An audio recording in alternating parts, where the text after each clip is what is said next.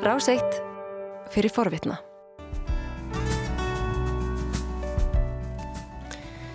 Þá er klukkan orðin leðlega átta. Hér setja Sigriður Haldurstóttir og Guðrún Haldunardóttir um sjónarmenn morgunvaktarinnar í dag. Og til okkar er komin Bói Ágústsson til þess að skeknast út um heimsklukkan. Þar blasir við nokkuð breyttur heimur frá því sem var fyrir kannski ekki nema tveimur vikum, Bói. Já, góðan daginn og uh, já, það er alveg hárið eftir að Sigriður. Það er mjög breyttur heimur. Og uh, að sjálfsögðu innrásun í, í Úkrænu, innrás rúsa sem að við rættum nú fyrir halvum mánu, sem við rættum fyrir viku. Og uh, maður sér ekki fram á annað heldur en að umræður um erlend málefni verði mjög lituð af þessum átökum svo lengi sem þau vara. og raunar uh, lengur vegna þess að eftir kostin þó, þó þessu ljúki í bráð sem að en nú enginn sérstök ástæð til þess að ætla að e, þá e, hafa orðið vatnaskil í sögu Evrópu, sögu heimsins. Í fyrsta skipti að hafa orðið styrjaldar átök með þessum hætti í Evrópu við undanskiljum átökin í fyrirandi fyrir, ríkjum Júkoslavi sem að voru svona ákveðinleiti borgarastríð sem að var að þar var ríki að brotna upp, ríki margra þjóða. Eh, hér er um að ræða beinlínis fyrirfram ákveðna árás eins ríkis á annað fullveld, fullvalda ríki og uh, í þessu tilfelli að þá er ekki viðhafðar það sem að einu sinni þótti nú til síðs að þjóði lísti við stríði á hendur öðru ríki. Mm. Það er nú stundum sagt að menn hafi tapað rök, rökuræðum þegar þeir fara út í það sem að hefur verið nefnt á og sagt upp á latínu reduxio ad hitlerum. Það er að segja þegar annarkur aðilinn í rökuræðum er farin að líka framferði við Hitler og nazistastjórnina en það verður ekki sagt annað en það er óhugnarlega margt í framferði Pútins, í framferði russa sem að minnir á síðustu árin fyrir síðari heimstyrjöldina 1938 til 1939 og árásinn á Ungveriland henni verður að mörguleiti líkt við árás þjóðverja á Póland í september 1939 þar að ekki er það sem að manni kemur mikið óvart. Við skulum ekki setja alla rúsa undir einn hatt. Og við skulum aldrei gleyma því að það er anstaða við, við stjórn Pútins en stjórn Pútins er orðin allræði stjórn en það sem ég ætla að segja að kemur óvart er grimd, harka ómannúlegt, ómannúlegt framferði rúsneska hersins og það þeir hafa setið núna í nýju daga um hálfrar miljónar manna borg Mariupol sem er í söð-östur hluta Úkrænu. Þessi borg er talin hernaðlega mikilvæg og uh, það vilist vera fyrst þeim tókst ekki að ná henni í skyndi árás að þá hafið þeir í staðin byrjað að skjóta stórskotaliði loftárásum og uh, segja að þeir skjóti bara á hernaðaleg skotmörk, talsmenn Pútins stjórnarna segja að þeir búið ráðið við svo fullkomnum vopnum að þeir geti valið úr skotmörk og þeir skjóti ekki óbreytta borgara. En það þeir, var aldrei ekki þannig í gær. Það var sko aldrei ekki þannig í gær. Maður sé nú ekki alveg fyrir sér hvaða hernaðalega þýðingu fæðingarspítali, barnaspítali hefur. Maður sá fréttamindir þar sem var verið að bera ófrískar konur kasóleittar á börum og allt sprengt í kring Dimitri Polijanski sem að er aðstofar sendiherra rúsa hjá saminuðu þjónum hann heldi fram í nótt að þetta væri úkrænumönnum að kenna vegna þess að þeir hefðu breytt spítalanum í hernaðamannirki Þetta minnit aldrei á í rauninni að þeirra sílandstríðið þeirra var verið að, alltaf að vera að kenna uppreisnamönnum um ímsa hluti eða, eða, ríki Íslams sem kannski stjórnarherrin stóð á bakvið ásam með stuðningi rúsa. Já og framferðið rúsa bæði í Sýrlandi og í Tjettiníu, í Grosni var með þeim hætti að þar réðustir algjörlega miskunulust á óbreytta borgara. Það vilist bara vera, nú er ég engin hernaðarsérfræðingur en maður gæti álíkta að það væri einfallega eh, svona í herfræði filosófíu rúsneska hersins að gangi hlutirnir ekki upp, 1, 2 og 3 þá skuli bara ráðist á borgirnar og það er lagðar í rúst. En búið staðsetning þessarar borgar, Marjupól, hún er mjög nálagt Donbass sveðinu, ekki sett? Jú, hún er sem sagt við svarta hafið austast í Úkrænum og þetta er Hafnarborg og uh, sumir sögðu fyrirfram að eitt af markmiðum Pútins og rúsa væri að búa til landbrú svo kallaða frá Rúslandi sjálfu að Krímskaga og þá yrði þeir að leggja hundir sem Mariupól og, og, og það svæði sagt, meðfram strönd uh, svartahafsins. Þegar Krímskægi skagar út úr uh, Úkrænu og inn í, inn í svartahafi uh, það sem við verðum að horfast í augvið og ég var í að áðan er það að, að uh, það sem að Putin hefur tekist líka er það að hann hefur samin að vestræn líki, það er engin bilbugur á þeirri samstöðu og það eru gríðarlega harða refsi aðgerðir sem eiga eftir að bytna mjög harkalega á rúsneskum almenningi, fólki sem ekki tefur til sakaðunnið um, og afstafa til utanrikis, öryggis og varnamála hún hefur breyst í einu vettfangi. Jafnvel á Íslandi er, er, hefur afstæða til sko alltíðásamtaka sem ekki koma málunum við beint sem er Európa-sambandi hún hefur breyst 1, 2 og 3 núna er fleiri fylgjandi ESB aðild á Íslandi heldur en andvið hafið það einhvern tíma gerst áður að þá er að minnstakosti áratugu síðan því að anstæðingar yngöngu Íslands í Európa-sambandi hafa alltaf verið umtarsvægt fleiri heldur en þeir sem hafa verið fylgjandi. Nú hefur þetta breyst og afstæðan til Atlasansbandalagsins og veru Íslands í Atlasansbandaleginu hefur styrst. Það er þrýr fjórðu hlutar uh, landsmanna. Það hefur verið nokkuð lengi en andstæðan við veru, veru Íslands í NATO, hún hefur minkar. Og þetta er, er hluti sem við sjáum endur speiklast eiginlega allstaðar, uh, annar staðar í Evrópu og við höfum talað um Finnland og Svíþjóð.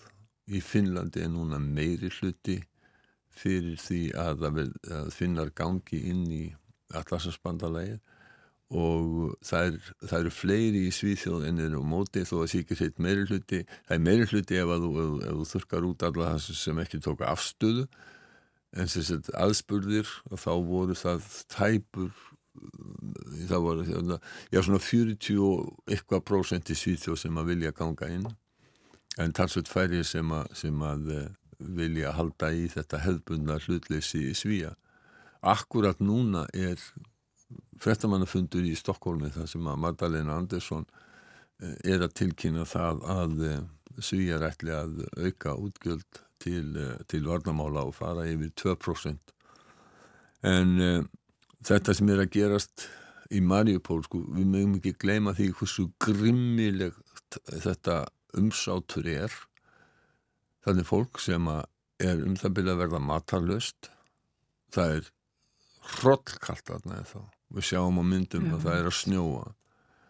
Það er engin hiti. Það er ekkert vatn.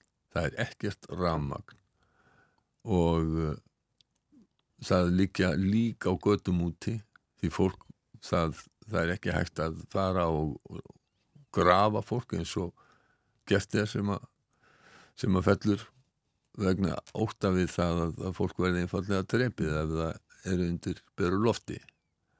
Fólk hefur þurft að reyna að bræða snjó sem það hefur safnað saman til þess að eiga eitthvað til þess að drekka.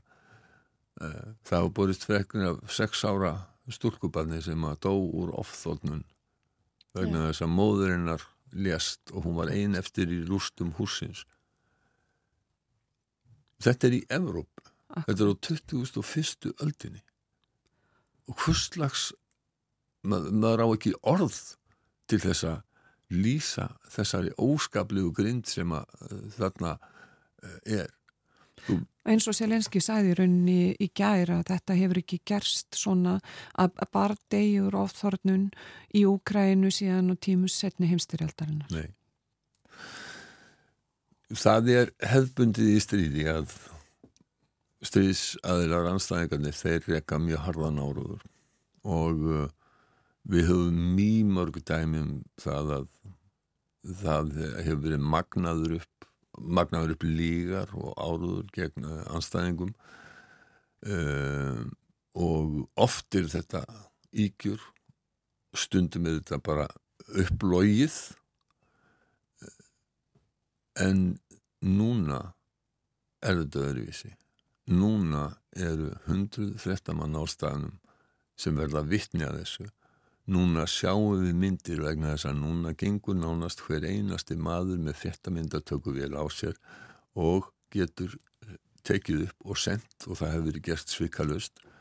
Og rússar hreinlega get ekki logið sig frá þeim glæpum sem að þeir eru að fremja í Úkrænu akkurat þessa stundina. Alveg sama hvað menni svo Dimitri Poljanski alveg sama hvað uh, talsmaður utanrikiðsráðundis og rúsa uh, reynir að ljúa það er ekki hægt að breyða yfir þetta. Þetta eru staðrindir sem við sjáum og fáum staðfestar með myndum. Þetta er ekki áróður anstæðingar þeirra eins og rúsa segja.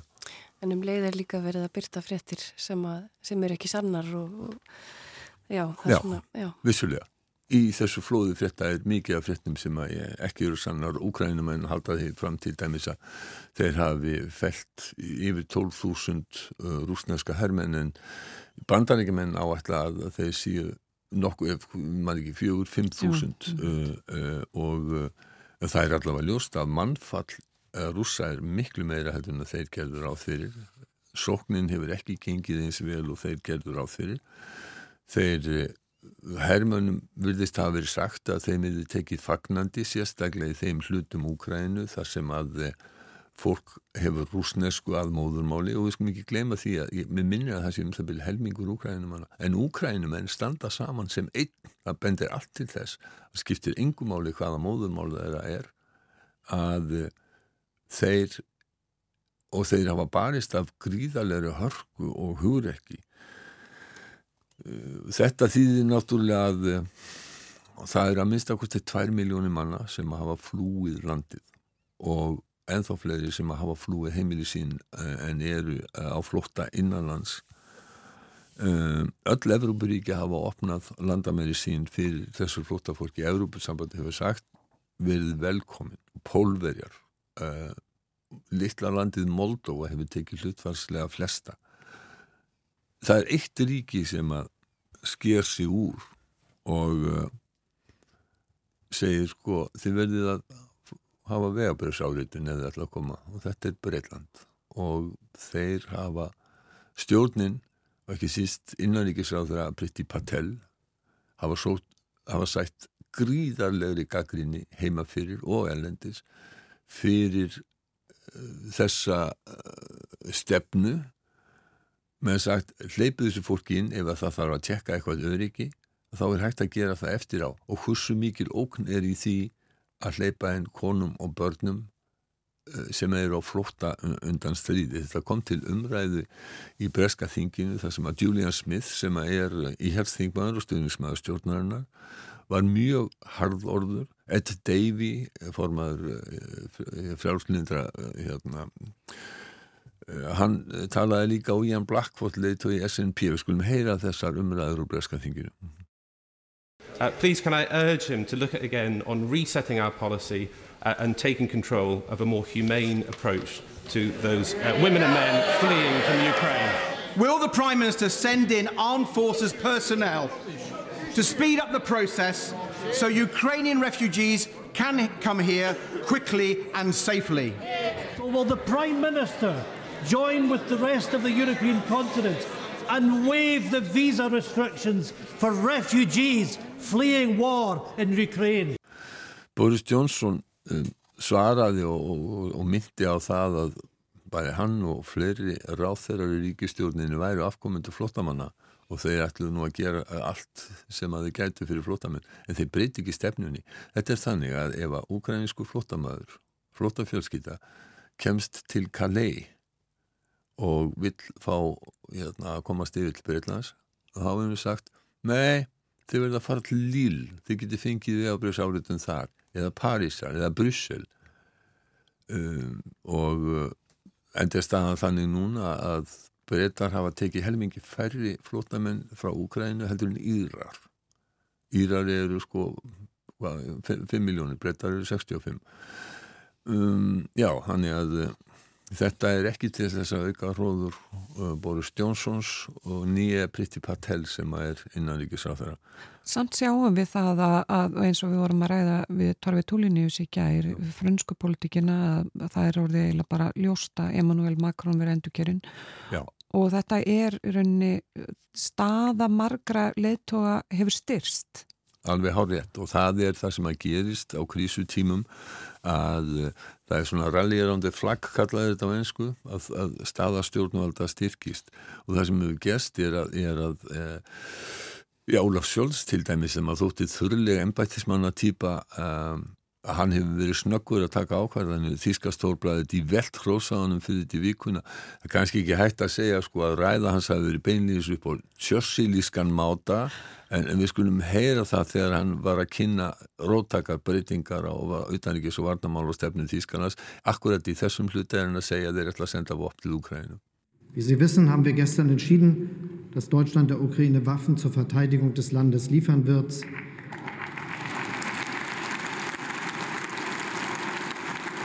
Auf Putins Aggression konnte es keine andere Antwort geben. Það er ekkit annað hægt að einhverja hægt að svara öðru við, við, við þeirri stöðu sem að núna er heldur en að senda vopn. Danir eh, hafa ákveðið að hafa þjóðaratkvæðagreyslu um það að hætta að þjóðaratkvæðagreyslu sem myndi liða til þess að þeir pæri að taka þátt í varnarmála samstarfi í Evrópusambandsins. Finnar og svíjar vinna náið saman eins og um, um, ég var að segja. Uh, þeir, það er mjög náið samstarf í varnamálum, það hafi verið sameiginlegar herafingar núna og bæði löndin vinna mjög náið saman með uh, allarsasbandarinn og má minna á það að bæði sænski og, og finski flugurinn hefur verið hér á Íslandi þegar að hefur verið loftrýmiseftirlit uh, og sem er náttúrulega aldrei sérstakta að hlutlösa þjóðir skuli vera að sjá um loftrýmis eftir liti yfir, yfir hérna NATO-þjóð. En Magdalena Andersson hún segir að þátt fyrir breyta afstöðu fólks og þá þjóni það ekki öryggishagsmunum svíja núna að ganga inn í e, allarsafsbandarlegu. Heyrum þetta þegar hún var að segja þetta í gær. Om eh, Sverige skulle välja att skicka in en NATO-ansökan i det här läget så skulle det eh, ytterligare destabilisera Eh, den här delen av Europa. Alltså öka spänningarna i Europa og Sverige skulle bidra til, eh, til að destabilisera läget ytterligare. E, það hafa margar þjóður tekið ákvarðanir um að senda Úkrænumönnum vopn og nú síðast í gær var það ekki þá buðu pólverjar orustu þóttur. En þetta hefur svo litið valdið óróa. E, já, það er um að ræða MIG 29 þóttur sem að pólverjar fengum meðan þeir voru ennþá í Varsjálfbandalæginum þetta eru rúsneskar þóttur uh, og, það, og þeir hafa vilja að láta úkrænumenn sem að þekkja þessar velar uh, og nota þær, fá þær en uh, bandarækjumenn hafa lagst gegn þessu sérstaklega því að pólverðarni vildu að, að úkrænumenn tækju við þeim á bandarískum herflugvelli í Þískalandi. Það segja bandarækjumenn nei vegna þess að menn vilja ekki taka neina áhættu á því að það komi til beitna vopnara átaka á milli e, ríkis sem er í NATO og rúsneska hersins. Þannig að það verður ekki af þessu? Það er mjög ólíklegt að það verði, að verði af þessu.